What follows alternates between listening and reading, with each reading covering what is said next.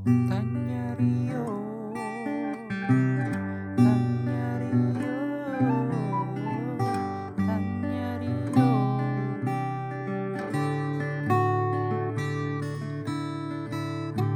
Halo selamat malam, selamat pagi, selamat sore, dan selamat siang lagi untuk para pendengar Tanya Rio. Wuh, ini cukup eh, apa ya? Untuk malam ini gue cukup excited karena kita akan membahas hal seru yaitu Euro karena banyak apa ya kejutan-kejutan gitu ya tak ya? Banyak drama, banyak hal yang tidak pernah kita duga sebelumnya. iya parah men. EFL gue hancur anjing. Dan banyak ini Dan, banyak kejadian kebalikan. iya. Gimana itu? Gimana? Coba dong mention yang agak Oh, agak ini dong. Jadi kalau di jagat dunia maya itu kita ada satu sosok yang dipercaya oleh ada pengikutnya gitu kan ya. Terus dia suka memberikan prediksi-prediksi soal pertandingan bola gitu. Cuma uniknya adalah pertandingan yang dia prediksi selalu berakhir dengan kebalikan dari apa yang dia prediksi. Oke, tapi kita nggak bakal ya sih udahlah udah banyak exposure-nya kasihan juga gitu gue ngeliatnya udah tua anjir udah saatnya membahagiakan diri sendiri dia kan. Di- iya, jadi pokoknya nilai moralnya adalah percayalah kebalikan dari apa yang dia sampaikan. itu ya. Iya, kita tuh gitu. belum nyampe poin inti tapi udah ke sono aja. Belum Iya. panjang udah dapat poin inti anjing. Enggak. Anjing. Gila-gila. Nih, kalau lu sendiri di Euro ini merasa kaget gak sih tak? gue masa kaget banget karena di episode dua episode sebelumnya kan gue bilang kalau jagoan gue misal Belanda gitu kan. Belanda Hmm. itu di fase grup bisa dibilang sangat perkasa, tiga pertandingan, tiga match, Parah, tiga men. menang. Cuma di fase knockout tiba-tiba dia kalah. Mengejutkan sih menurut gue. Terus jadinya ya gue agak-agak masa kecewa di situ.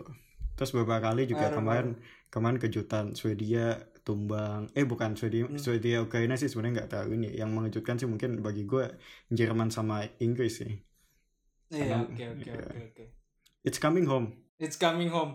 Tapi Belanda lu gitu, lu kan di podcast di episode kita yang sebelumnya bilang lu jagoin Belanda ya kan? iya Udah Iya, maksudnya- iya mak- maksudnya kalau kalian pakai Belanda juga pakai Memphis Depay di FL gitu kan suka nyumpang boy kan ya di Emang belakang- poinnya tuh tinggi mulu, Depay itu. Iya, jadi orang tuh nggak nggak nyangka kalau tiba-tiba pas fase knockout bisa kalah gitu. Iya, anjir. BTW selain Belanda, kemarin pas di episode kemarin juga ada kan nih jagoan kita kan, si Rio ini. Dia ngejagoin Prancis tapi jagoannya jagoannya juga udah Keok gugur, udah juga. pulang kampung anjir. Iya. Kasihan itu ayam. Anjir langsung jadi ayam geprek, Bro, Bro. Mbappe Gila, sih gue nggak nyangka banget. Bape ya anjing berarti bener harusnya gua kemarin dugaan gue tuh. Bape Bapu kita panggil coba nih sama Rio nih. Yo, halo yo. Hadir, hadir. Gimana nih bro? Prancis udah jadi jualan ayam geprek dia. Abis gagal di Euro. Nah, itu kan gue udah bilang kan, ini kayaknya bakal menang gitu kan. Cuma setelah record gitu ya, tiba-tiba ada berita kan. Gue gak tahu itu beritanya gosip atau udah valid gitu kan. Katanya tuh Mbappe ada selisih-selisih paham gitu sama Giroud kan. Hmm. Oh, iya. Nah, Iya, gue udah iya. Iya, iya. Gue sebar di grup juga kan, gue bahas. Nah, gue udah punya feeling nih kalau Prancis bakal Hmm. apa ya namanya ya, nggak nggak Hmm. bagus lah gitu kan. Iya sih. Soalnya nggak bersatu cuy. Cuma gue itu feeling gue aja karena gue eh ngelihat juga akun yang ngabarin belum verified. Gue juga nggak tahu kan itu gosip atau gimana gitu. Nah, cuma gue gua ngerasa kehadiran Benzema dan Giroud jarang jadi starter tuh ternyata ngaruh besar kayaknya di Euro tahun ini Oh, buat Prancis. kenapa tuh bro? Iya karena apa ya? Eh emang sih dalam fase grupnya sama aja kayak Piala Dunia ya. Agak tertati-tati gitu. Cuma nggak nggak ini cuy, nggak nggak melaju kencang sampai final nih. Tai emang nih. Hmm. Itu alasan paling utama karena didukung coach Justin yo. Iya, yo, itu doang, yo. Padahal ju- kita pengen no mention tadinya ya. Gue Iya. aduh kesebut lagi anjir. Gue juga jadi khawatir sama Itali. Bisa aja nih. Anjir men. Tapi Inggris gue masih masih melaju nih men anjing kayaknya gue bakal menang taruhan ini. Wah, It's coming home bro. that's coming home. Jack Grealish. Nah, justru justru gua nggak setuju sih gua. Gimana kenapa? Iya, gua gua rasa tuh Ukraina tuh punya kejutan gitu. Anjing jadi lu jagoin Ukraina nih sekarang. Iya, gua gua berharap Ukraina gitu kan. Gua kan eh ngelihat bisa lah Ukraina menang gitu. Parah Iya. men. It Jurgen Klopp aja jagoin Inggris lu parah banget lu. Iya. Entah ya, gua Inggris itu emang bagus gitu kan. Eh di di di grup di grup berapa sih dia? Grup D ya. Nah, grup D kan dia clean sheet gitu ya kalau nggak salah ya. Iya, sampai sekarang juga clean sheet ya. Ah, itu. Ukraina juga gue tuh ingat banget tuh Ukraina dia tuh di fase kualifikasi lumayan gitu kan. Terus juga kemarin di di di grup juga gol-golannya juga keren kan lawan Belanda 2-3 terus juga eh, ada spirit perjuangannya lah kalau gue lihat statistik gitu kan. Kan gue cuma ngeliat statistik doang nih. Terus kemarin juga 2-1 kan sampai pemain Swedia kartu merah gitu kan. Gue merasa Inggris masih kena kutukan gitu kan. Gak pulang-pulang itu, gak coming home itu. Oh, tapi kalau dilihat bagan ya sebenarnya kalau Inggris mau maksimalin kesempatan ini bisa banget karena dia kalau misal menang itu ketemunya juga Ceko sama Denmark sebelum partai final gitu. Jadi bagannya sebenarnya menguntungkan karena dia nggak nggak langsung ketemu Belgia, Italia atau Spanyol yang notabene diunggulkan sih. Tapi Oh iya. kita nggak bisa ini sih tak gue mikirnya nggak bisa sembarang tuh sama si Ceko sama si Denmark tuh. Nah, benar benar Mak- maksudnya kalau kita lihat tim-tim yang kan ada yang Di atas kertas gitu iya, ya kalau di atas kertas ya. Ceko Denmark itu nggak apa ya maksudnya Ceko bisa ngalahin ah gue bilang Denmark juga Iya itu pemulihan sih sebenarnya sih Denmark gue yakin. Karena setelah peristiwa Erikson ya. Iya setelah peri- peristiwa Erikson tuh mentalnya kena lah karena nggak fokus kan namanya orang lagi sedih disuruh main full gitu tuh nggak fokus coy. Terus lawan Belgia juga lagi mencoba stabil lawan Rusia langsung 4-1 gitu kan. Lawan Wales 4-0. Ini lawan Ceko walaupun Ceko punya strikernya yang keren ya. Sik ya. Ini mah bisa hujan gol ini, yakin gua. Oh prediksi lu hujan gol nih ya. Hujan Denmark gol ini. Ceko. Lawan Denmark Ceko Hmm, Kedua tim akan tampil terbuka mungkin ya. Tampil terbuka. Iya motivasi tinggi tuh sama-sama pengen me- meraih semifinal pertamanya kayaknya. deh. Iya, iya. Hmm. Terus mungkin nothing tulus ya maksudnya ya udahlah ini udah bagi mereka udah 8 besar juga kan. Si Dolborg juga nggak tahu tiba-tiba apa ya nggak tiba-tiba sih sebenarnya emang dia jago juga. Maksudnya dari beberapa pengamatan gue ngeliat dia lumayan. Kemarin juga dia mainnya bagus anjir. Hmm. si Doble. Sempat kepikiran untuk masang dia sumpah pak di FL tuh. Gue juga Emang kepikiran masang Mahle yang belakang. Mahle ya parah Iya, ya Pak, ya. gue masang dua itu anjir. Gue kepikiran banget. Iya tuh. anjing bisa bisanya anjing. Itu gua pas awal-awal main masukin ini kan ya Bright White ya. Terus underperform kan ya. Iya, Anjir perform. kata gue nih Gue juga ada di bench. gimana ini dua dua pertandingan underperform. Gue ganti. Eh pertandingan ketiga ngegolin. Si tahi emang. golnya lumayan bagus lagi anjir Iya. Iya dia tuh ya lumayannya kemarin lawan ya karena Walesnya juga sih gue mikirnya yo kayak angut-angutan banget anjir padahal masih ada Gareth Bale. Gareth Bale emang sejelek apa sih anjir? Tumpul banget tapi dia sekarang ya? Parah dah. Tapi kalau gue ada. gue kalau gue ngelihat gue pernah ngelihat pertandingan Wales pas fase grup itu emang masalahnya bukan di depan di belakang. Karena backnya championship belakang ya? championship eh, ada dua championship gitu Terus sama backnya Spurs. Jadi emang kurang kuat di situ sih kayaknya. Iya iya iya. bisa sih. Iya iya. Kalau depannya lumayan ada Gareth Bale Aaron Ramsey um, My Baby James Harry anjir. James. Oh iya benar-benar. iya lumayan masa depannya. Jadi Iya, bener. melihat ini sisa pejuang-pejuang ini pada jagoin siapa lagi nih sekarang? Gue sih pengennya dari sisi kanan lah. Ada ada apa tuh spirit bertarungnya tuh tinggi lah. Ukraina Denmark lah berharap gua. Oh antara dua itu ya yang lu pengen juara nih ya? Iya cuma gue pastikan gue sih udah kebayang di otak gue kalau Sp- Spanyol tuh kayaknya ada peluang gede juga Spanyol dan ceritanya juga menarik cuy Spanyol Gimana itu? Di dua pertandingan awal kan dia seri. Eh, seri. Cuma ngumpulin dua poin doang. ya, Ya, se- ya seri berarti Iya kan? Ya, dua poin doang. Terus akhirnya di pertandingan ketiga ngamuk kan. Gue juga udah tahu eh dia ganti banyak pemain lah di pertandingan ketiga Hmm, gitu kan. langsung 5-0 ya. Langsung 5-0 kan. Terus Mhm. posisinya juga di grup dia nomor 2, nomor satunya Swedia gitu kan.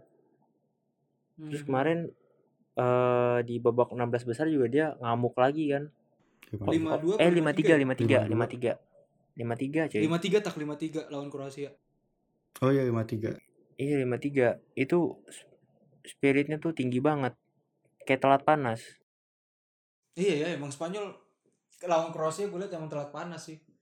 Ya ya. tapi seru sih gamenya gue nonton tuh Morata kan tiba-tiba golin Morata bisa Emang. ngegolin ya. Morata bisa ngegolin ya teman-teman. Terus kalau lu jagoin siapa nih tak Belanda lu udah habis. gue gue jagoin Itali tapi gue agak takut karena dijagoin coach Justin juga Ngeri ya. Ngeri. Sanksi jadinya anjing. kenapa gue jagoin Itali karena sebenarnya dari sepanjang Euro ini tim yang paling sering gue tonton tuh Itali. Gue nonton tiga matchnya kalau nggak salah. Nah menurut gue perpaduan pemain muda mas tuanya tuh solid sih. Maksudnya di fase grup kan mereka solid. Terus kemarin meskipun susah payah pas ketemu Austria tapi permainannya tuh di tetap konsisten gue bilang dari fase grup sampai fase knockout kemarin. Cuma kemarin Austrianya main bagus solid di belakang.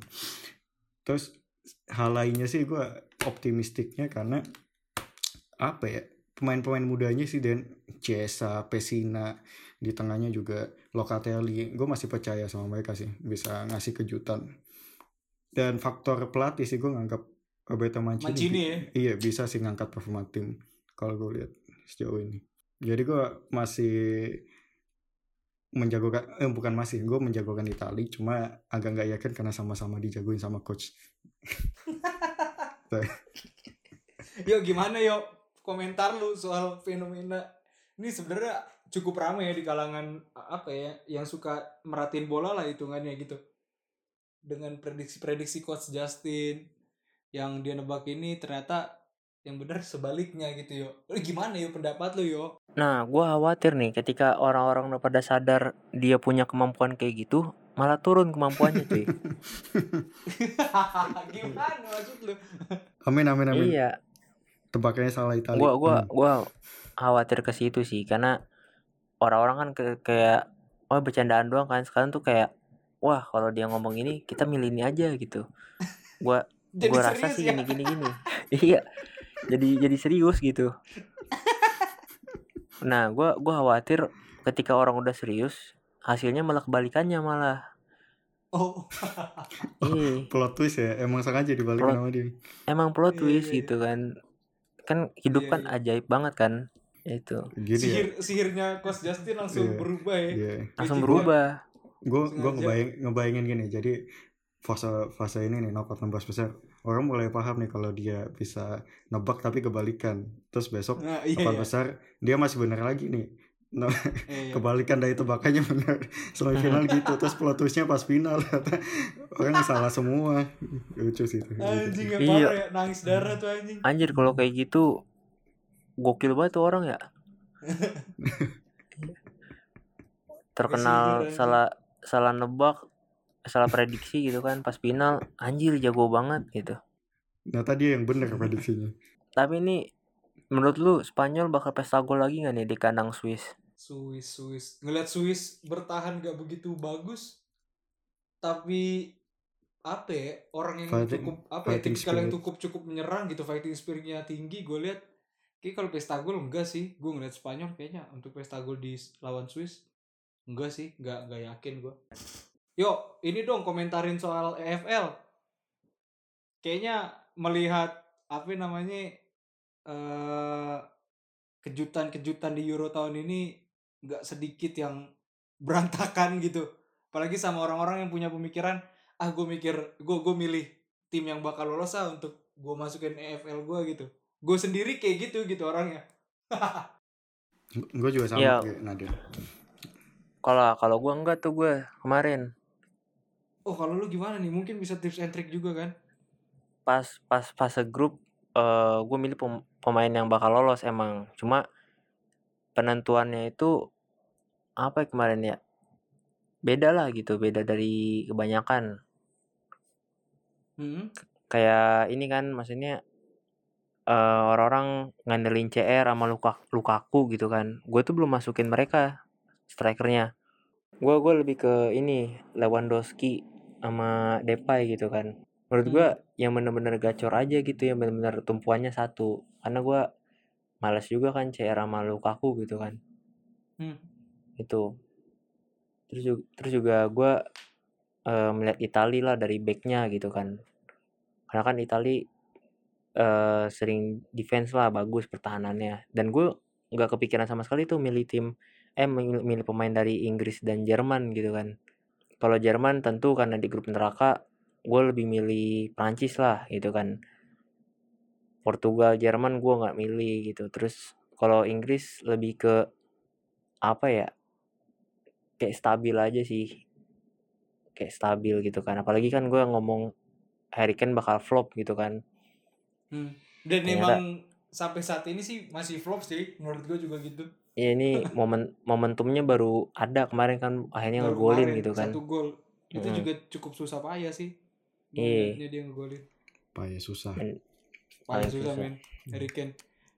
Iya itu dan itu juga ternyata poinnya emang cukup lah nggak nggak bagus-bagus banget tapi cukup gitu kan Hmm, hmm. terus kemarin pas 16 besar baru gua pede gitu kan ini Hmm. eh, pemain-pemain yang di fase grup tuh menjanjikan gue gue masangnya kayak gitu kalau kalau pas fase grup kan berdasarkan kualifikasi yang sering jadi starter siapa aja nih dulu gitu kan. Kayak gue akhirnya masukin Denier sama Winsdal gitu kan. Ternyata underperform.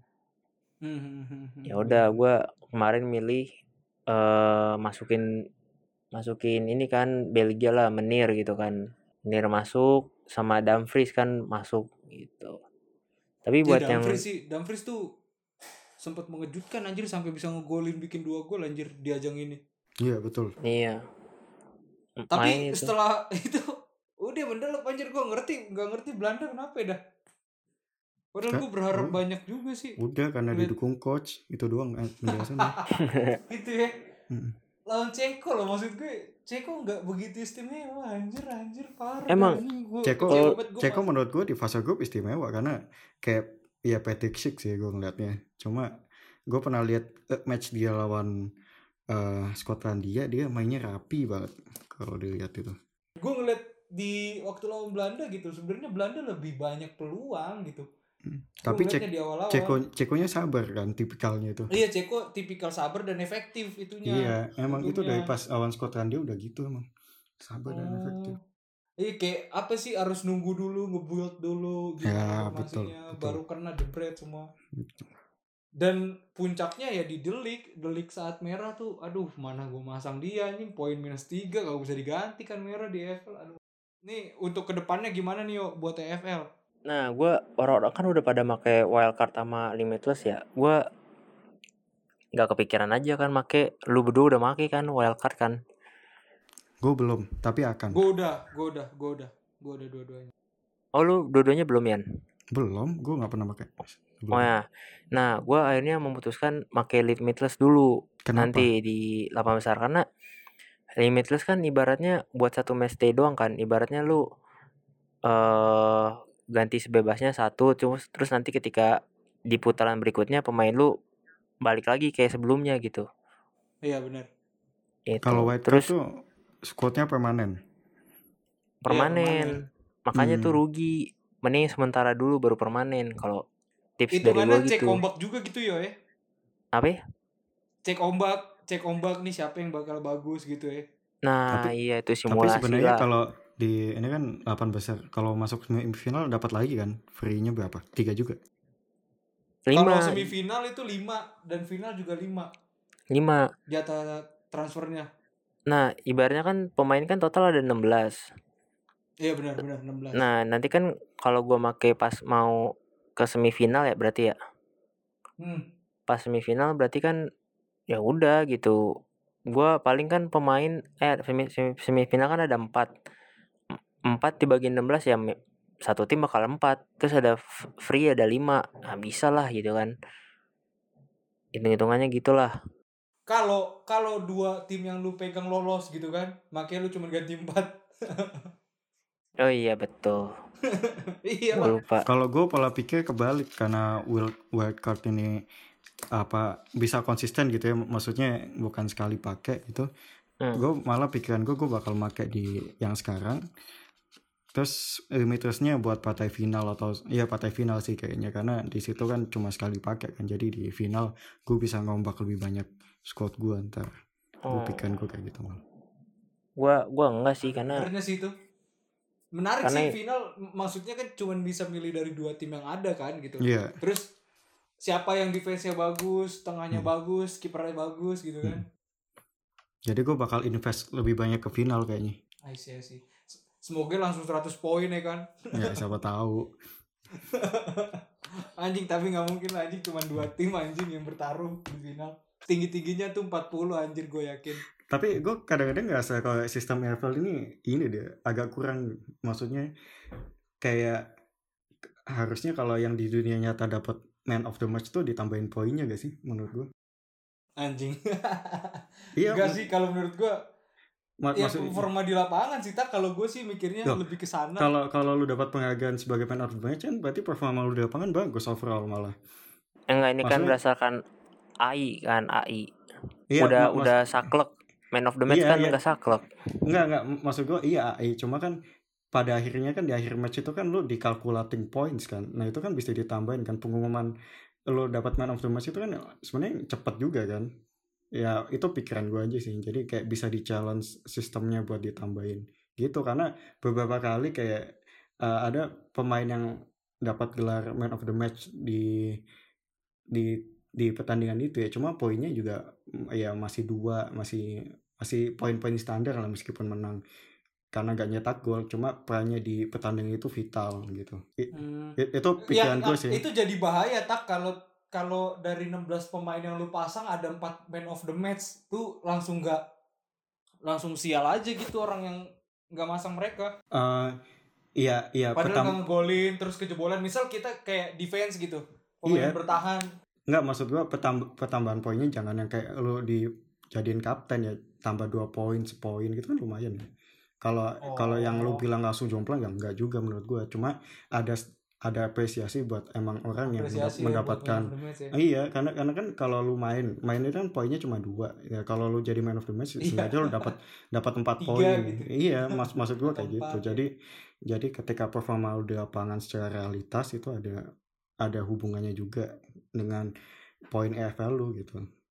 Menurut gua sih gitu ini sih. mungkin bisa nih didengar nih Hmm. buat ini kan. Ini kayaknya orang bule sekarang bisa bahasa Indonesia selalu tak bakal didengar ini. Oh, bagus Tidak- banget. gue liat statistik ada ada orang yang salah kaprah sih yakin gue nih Maksudnya gimana ya? Salah kaprah gimana ya?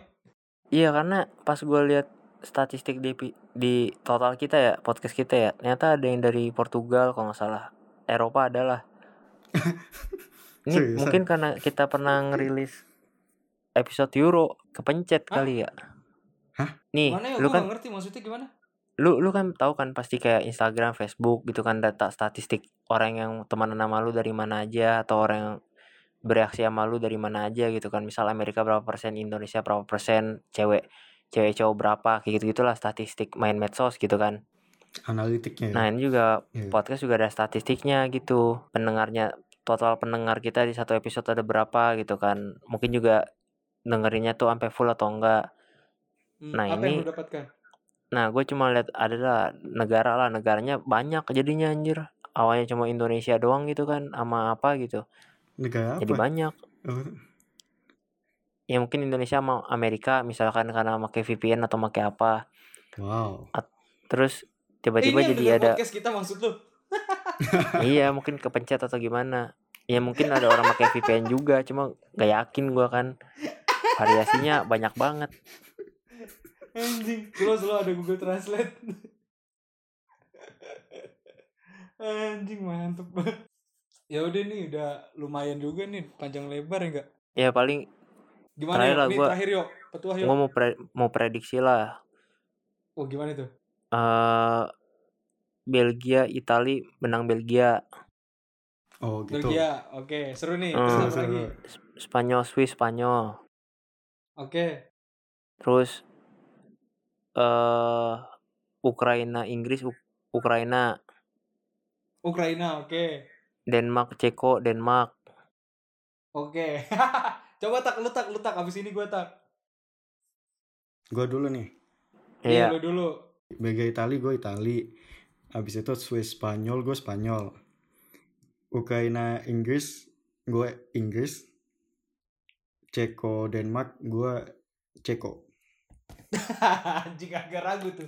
Agak bimbang. Hmm. Ada berpikir sepersekian detik. Ceko Tapi gue jagoin tim-tim tradisional sih. Maksud gue yang udah mapan. Udah Oke oke oke. Gue ya. eh Belgia Itali Itali karena gue banyak masang orang-orang Itali di EPL gue anjing. Terus Swiss Spanyol Spanyol. Ceko Denmark Denmark. Inggris Ukraina Inggris. Itu sih. Juara tetap Inggris bro. It's coming home. juara tetap Itali, Gli Azzurri. Anjing. Rio maunya Ukraina ya. Out of enggak enggak gue anjing. gue kalau antara antara Spanyol sama final bakal antara Spanyol sama ini sih sama Denmark Wah cing. Buat anjing Denmark sampai final. Kalau gue prediksinya final finalnya Italia sama Inggris. Italia Inggris ya. Gue Inggris Spanyol sih. Ya, boleh boleh. Mantep mantep. Ya udah. Oke guys, udah lumayan panjang eh, dan akan terbit di kayak di partai semi eh, partai pertama quarter final ini podcast ini. Semoga bisa jadi ini juga ya apa sih eh, trik-trik kalian untuk ngatur-ngatur EFL kan tadi Rio ada ngasih tahu gimana gimana. Nggak tahu berguna apa enggak tuh. enggak enggak kayaknya ini kan pengalaman doang anjir ya udah thank you banget yang udah Ya. dengerin podcast Dari penjuru dunia. 17 yoi dari segala penjuru dunia semoga sehat-sehat terus dan jangan lupa minum air putih dadah Salam olahraga.